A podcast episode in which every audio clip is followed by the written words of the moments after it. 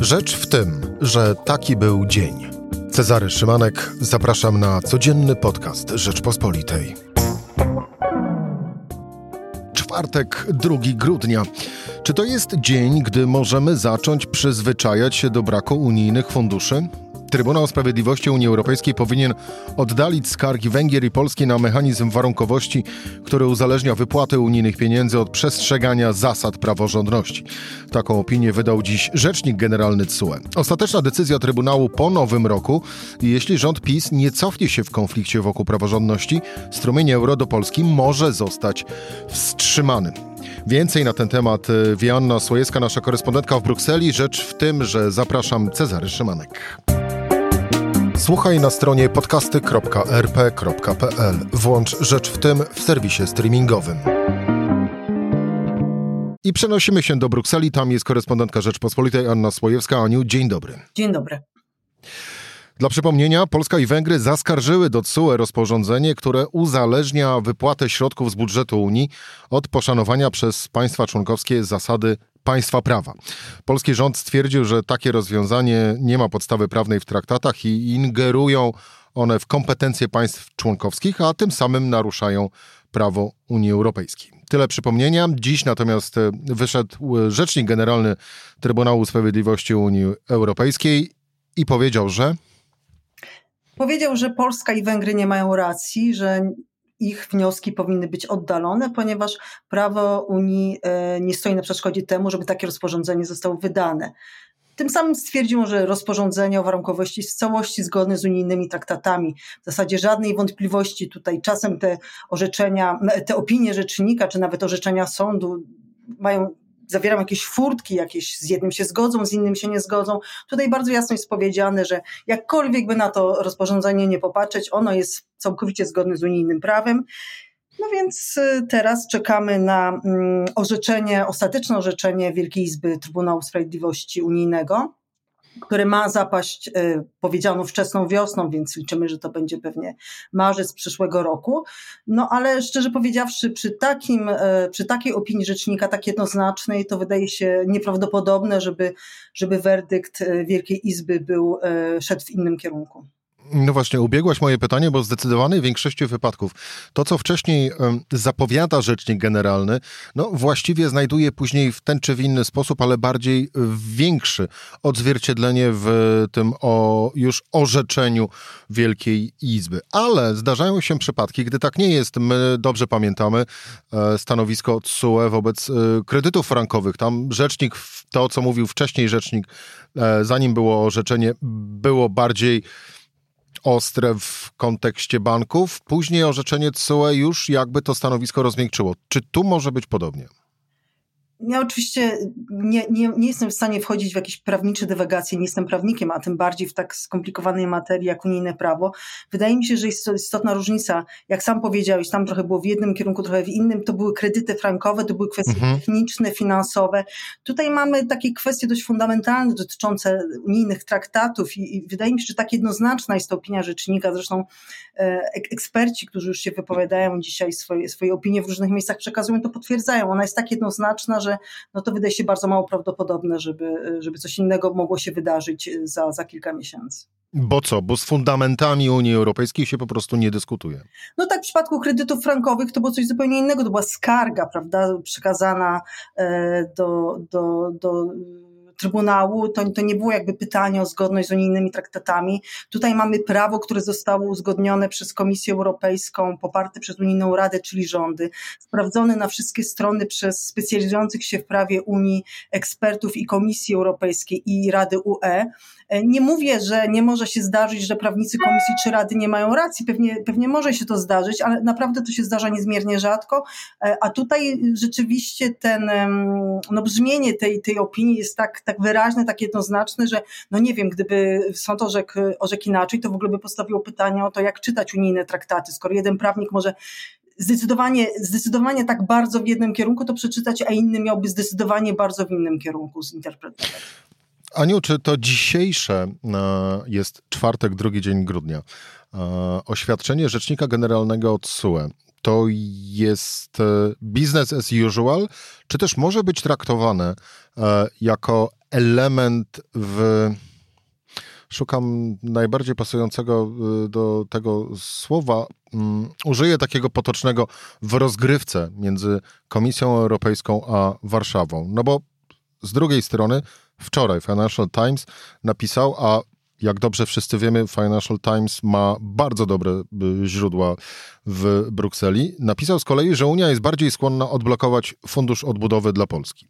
No i teraz składa mi się to z kolei w taką y, jedną y, całość, oczywiście hipotetyczną, czyli wczoraj poprzez FT idzie sygnał, że możemy odblokować fundusz. Dziś jednak rzecznik występuje już na kilka miesięcy wcześniej, e, dając e, ogląd kierunkowej decy- kierunkowy ogląd decyzji TSUE, która którą najprawdopodobniej poznamy w marcu e, przyszłego roku, po to, żeby jasno dać do zrozumienia, że jeżeli rząd PiSu nie pójdzie na ustępstwa, no to wtedy będzie źle.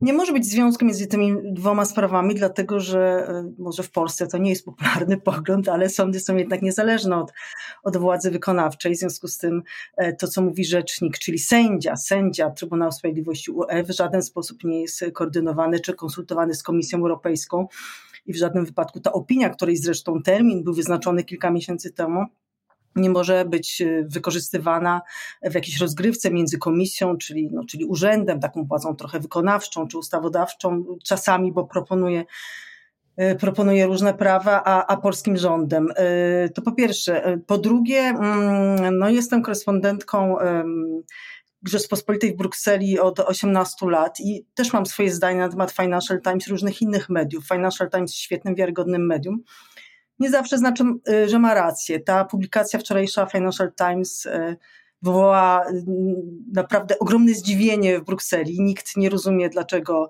dlaczego ona się ukazała, ponieważ ona nie ma nic wspólnego z prawdą. To znaczy, sytuacja wygląda wręcz odwrotnie. Nie ma żadnego postępu, jest, jest no jest wszystko zablokowane. Polska z przyczyn znanych lepiej e, polskim e, czytelnikom Rzeczpospolitej, słuchaczom podcastu Rzeczpospolitej z powodów znanych nawet lepiej niż mnie, no nie po prostu nie jest w stanie zaproponować niczego, żadnego kompromisu. Widać, że jest jakiś konflikt między ministrem Ziobro a premierem Morawieckim. Nie, nie wiadomo, że jakie zdanie też ma, ma prezes Kaczyński. Więc tutaj żadnego postępu być nie może. I chciałam jeszcze i trzecia ważna sprawa. Ten Krajowy plan odbudowy to jest jedna rzecz, natomiast mechanizm warunkowości to jest, to jest druga rzecz. One nie są kompletnie rozłączne, dlatego że jeśli mechanizm warunkowości zostałby w przyszłości wobec Polski uruchomiony, to on mógłby też zablokować y, Krajowy Plan Odbudowy, gdyby ten przypadkiem został teraz zaakceptowany. Natomiast Krajowy Plan Odbudowy jest blokowany na podstawie, na podstawie innej, jakby y, innych, innych przepisów, innych wytycznych dotyczących rekomendacji z tak zwanego semestru europejskiego, gdzie Polsce nakazano przywrócenie y, niezależnego wymiaru sprawiedliwości. E, natomiast mechanizm warunkowości i, i, i tamten przepis dotyczy tylko KPO, czyli tylko tych, tych pieniędzy na odbudowę gospodarki po pandemii. Natomiast mechanizm warunkowości dotyczy wszystkich, absolutnie wszystkich pieniędzy, które e, płyną z Brukseli do Polski. On dotyczy zarówno KPO, jak i znacznie większych pieniędzy z wieloletniego e, budżetu UE. Teraz to jest budżet na lata 2021-2027. I gdyby ten mechanizm warunkowości został przeciwko Polsce uruchomiony, no to wtedy no, problem byłby znacznie większy, bo dotyczyłby znacznie większych sum pieniędzy. Pozostańmy na chwilę, Aniu, przy tym scenariuszu i e, wybiegnijmy w przyszłość. E, jest ów marzec, załóżmy, że wtedy e, będzie orzeczenie Izby Trybunału Sprawiedliwości Unii Europejskiej. Ono będzie mm, no, właściwie co do swego wymiaru tożsame z dzisiejszym stanowiskiem Rzecznika Generalnego, czyli Mówiąc w skrócie, y, owa y, zasada będzie mogła, y, warunkowości będzie mogła obowiązywać. I wtedy co? To oznacza, że rozporządzenie jest zgodne z prawem, czyli to oznacza, że Komisja Europejska może, ale oczywiście nie musi wszcząć postępowania przeciwko Polsce z tytułu tego rozporządzenia. To tylko oznacza, że jakby prawo istnieje, jeśli Komisja dostrzeże nieprawidłowości w którymkolwiek z 27 państw członkowskich, to może ten mechanizm uruchomić. Wiadomo już, że Komisja takie nieprawidłowości, nieprawidłowości dostrzega w przypadku Polski i Węgier, ponieważ dwa tygodnie temu wysłała tak zwane listy administracyjne. To nie jest jeszcze procedura, to jest takie ogólne pytanie, ogólne list z pytaniami, ale z dość szczegółowymi pytaniami wskazującymi kierunek myślenia komisji, gdzie komisja dopytuje o różne rzeczy. I przy czym jakby to jeszcze raz przypomnę, wielokrotnie to, o tym pisałam i mówiłam chyba też tutaj w podcastach, Wielokrotnie o tym y, trzeba przypominać, że y, nie jest państwo karane za brak praworządności. Państwo jest karane wtedy, kiedy praworządność zagraża interesom finansowym Unii. Czyli jeśli sądy są upolitycznione, ale państwo świetnie wydaje unijne pieniądze i, i, nie ma żadnych, żadnych podejrzeń dotyczących defraudacji tych środków, korupcji przy okazji wydawania tych pieniędzy i tak dalej, no to komisja, choćby bardzo chciała, takiego mechanizmu uruchomić nie może. I zawsze uważało się, że Polska te pieniądze wydaje bardzo dobrze i nawet jak ten mechanizm zostanie przez CUE e, jakby zatwierdzony czy, czy uznany za, za, za, legalny, no to komisja nie będzie w stanie, być może będzie w stanie przeciwko Węgrom, bo wiadomo, że tam Orban i jego, jego ekipa to te pieniądze kradną, ale u nas nic takiego się nie dzieje.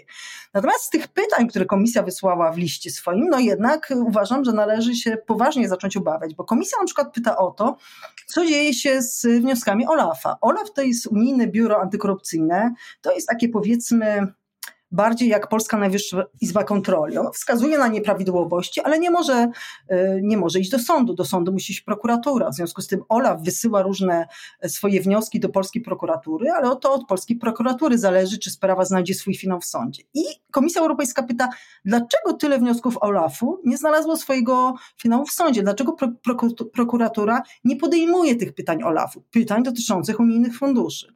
Z tego już tylko jeden krok oczywiście do kolejnego wniosku. Skoro nie podejmuje, to może dlatego, że jest upolityczniona.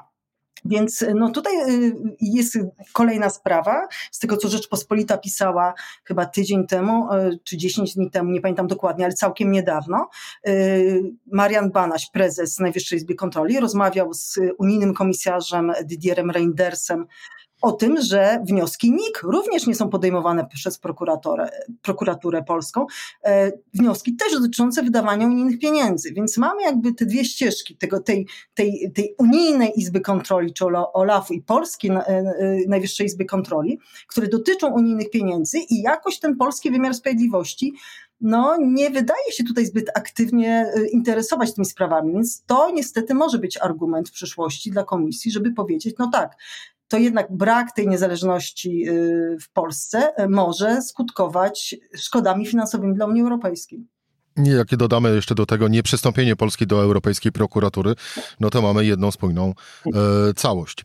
Aniu, to e, załóżmy w takim razie, e, hipotetycznie oczywiście, bardzo byśmy tego nie chcieli, no, ale niestety może się okazać, że wydarzenia na linii Komisja Europejska, rząd Prawa i Sprawiedliwości e, zmuszą z kolei Komisję Europejską do e, wykonania takiego, takiego ruchu. Komisja Europejska wdraża e, ów mechanizm warunkowości.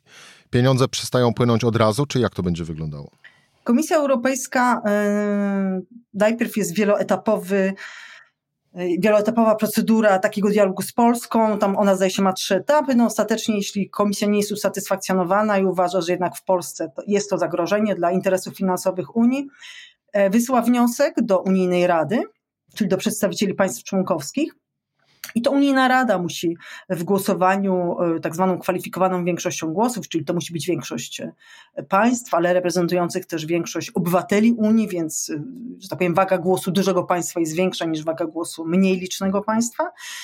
No i ta Unijna Rada musi podjąć decyzję. Więc jeśli, jeśli jeśli większość państw Unii nie będzie chciała Polski ukarać, to choćby komisja była przekonana, że rozkradamy unijne fundusze na potęgę, nic się nie da zrobić. Natomiast jeśli, jeśli większość państw uzna, że, że, że tak, że ta praworządność zagraża interesom finansowym Unii, no to wtedy e, Rada głosuje i pieniądze, e, nie wszystkie oczywiście, mówimy o jakichś funduszach, pewnie tych najbardziej narażonych na, na defraudację, tych, o których wiadomo, że, że są jakieś nieprawidłowości z nimi związane.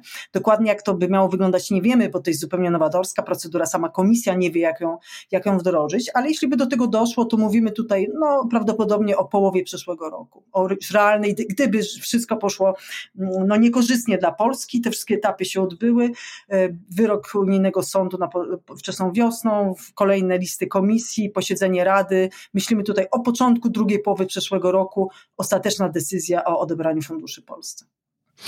Czyli można zakładać e, taki scenariusz, e, że jeżeli będzie orzeczenie CUE, takie, a nie inne, jeżeli rząd Mateusza Morawieckiego się nie cofnie, jeżeli komisja, kolejna rzecz, jeżeli komisja nie będzie zadowolona z odpowiedzi na wysłane do polskiego rządu pytania, wtedy w konsekwencji na tej naszej linii czasu połowa przyszłego roku może z tego kranu e, europejskich funduszy e, płynąć mniej euro. Tak, wtedy prawdopodobnie nastąpi zawieszenie. Nie mówimy o odbieraniu na zawsze. Zawieszenie, dopóki te nieprawidłowości nie zostaną usunięte. Zmieńmy temat, ale pozostańmy w kontekście pieniędzy, czyli właśnie wspomniane już przez Ciebie KPO. To w takim razie na jakim etapie, Aniu, e, pozwolę sobie na szczerość, bardziej e, wierzę e, twojemu e, brukselskiemu poruszaniu się niż dziennikarze EFT. Na jakim etapie jest, jeżeli chodzi o KPO w tej chwili? Z punktu widzenia Brukseli jesteśmy. Negocjacje trwają, znaczy są cały czas rozmowy na, na poziomie takim technicznym, wysokich, wysokich rangą urzędników z jednej i z drugiej strony, czyli z komisji, z polskiego rządu. E, I w zasadzie komisja nie chce, nie chce dużo, no, wręcz zdaniem niektórych e, takich największych krytyków e, braku praworządności w Polsce, to komisja chce bardzo mało, bo komisja chce tylko, żeby Polska wykonała wyrok Unijnego Trybunału Sprawiedliwości, czyli żeby przywróciła do orzekania sędziów, wobec których zapadły kary dyscyplinarne i żeby zawiesiła unijną, znaczy, przepraszam, Izbę Dyscyplinarną Sądu Najwyższego i przekazała jakieś konkretne zobowiązanie, jakby to miało wyglądać w sensie legislacji e, i tego Polska, i to miało być wpisane do Krajowego Planu Odbudowy. No Polska właśnie z tych krajowych przyczyn, o których już wspominałem, o których piszą gazety i, i trąbią media w Polsce, nie jest w stanie tego zrobić. No w związku z tym no, komisja już no, nie wie naprawdę, co by musiała zrobić, żeby, żeby ten KPO zatwierdzić. Przy, przy KPO jest też ważna, ważny taki element, że żeby Polska dostała zaliczkę z tego KPO, to on musiałby być zatwierdzony w tym roku, bo tak jest jakoś rozporządzenie sformułowane o KPO, że tylko te państwa, które w 2021 roku prześlą y, swoje KPO i zostaną one przyjęte, zaakceptowane, to one dostają w tym roku zaliczkę. Natomiast jeśli one nie, ich KPO nie zostaną zatwierdzone w tym roku, to zaliczki nie będzie, nawet jeśli KPO zostanie zaakceptowane, ale później państwo normalnie zaczyna realizować projekty wynikające z tego planu i potem, nie wiem, po pół roku komisja zaczyna na podstawie rachunków przysłanych do Brukseli, zaczyna te pierwsze pieniądze zwracać. Więc to jest oczywiście ogromny problem, bo tych pieniędzy, nawet jeśli KPO byłby za miesiąc zaakceptowany, to nie będzie. I tutaj czasu to już szczerze mówiąc nie widzę, dlatego że y, Komisja Europejska musi zatwierdzić KPO, a potem, znaczy zatwierdzić, w zasadzie zarekomendować pozytywnie, a potem ta Unijna Rada, o której już wspomniałam, w tym przypadku Unijna Rada Ministrów Finansów i Gospodarki, musi go zaakceptować formalnie. Y, wydaje mi się, że jakoś w połowie grudnia, chyba 16 grudnia, 16, tak. tak, odbywa się tak zwany ECOFIN. Więc e, komisja musiałaby teraz, e, no nie wiem właściwie kiedy, bo do tej pory, jak komisja akceptowała KPO innych krajów, to mijało kilka tygodni. Ja nie, nie spotkałam się jeszcze chyba z sytuacją, żeby minęły raptem dwa tygodnie. Mijało kilka tygodni, żeby Rada się tym zajęła, no ale powiedzmy, powiedzmy że, że można by to jakoś zrobić wyjątkowo płynnie i sprawnie i komisja dzisiaj, jutro by zaakceptowała ten KPO, tak żeby 16 grudnia Rada mogła się nim zająć. Ale naprawdę tutaj mówimy, że to jest kwestia może tygodnia. No, w najbliższych dniach musiałby ten KPO zostać zaakceptowany a po polskiej stronie, bo po unijnej nic się już nie może wydarzyć, po polskiej stronie nie widać, żeby cokolwiek się miało zmienić. Jeśli się zmieni, oczywiście wtedy nie ma problemu, ale jeśli się nie zmieni, to ja nie widzę możliwości, żeby to przeszło. To, czy się zmieni, to jest pytanie y, przede wszystkim do Zbigniewa y, Ziobry. Y, Aniu, to na koniec, gdybyś na skali od 0 do 10, gdzie 0 właściwie niemożliwe, a 10 wydarzy się, mogła w tej chwili ocenić e, no właśnie tą sekwencję akceptacji polskiego KPO e, w tym roku, to ile punktów byś dała? No właśnie dla mnie to jest bardzo trudne, bo to wymaga wyłącznie, to w ogóle nie wymaga wiedzy o Unii, to wymaga wyłącznie wiedzy o tym, co się dzieje w Polsce. No więc z tego, co ja czytam, co się dzieje w Polsce, to pewnie bym dała jakieś 3-4. Wydaje mi się, że jest ciągle szansa, ale chyba jednak mniejsza niż 50%. Anna Sojewska, korespondentka Rzeczpospolitej w Brukseli, była moim gościem. Aniu, bardzo dziękuję Ci za rozmowę. Dziękuję bardzo. To była Rzecz w tym w czwartek. Cezary Szymanek, do usłyszenia po weekendzie.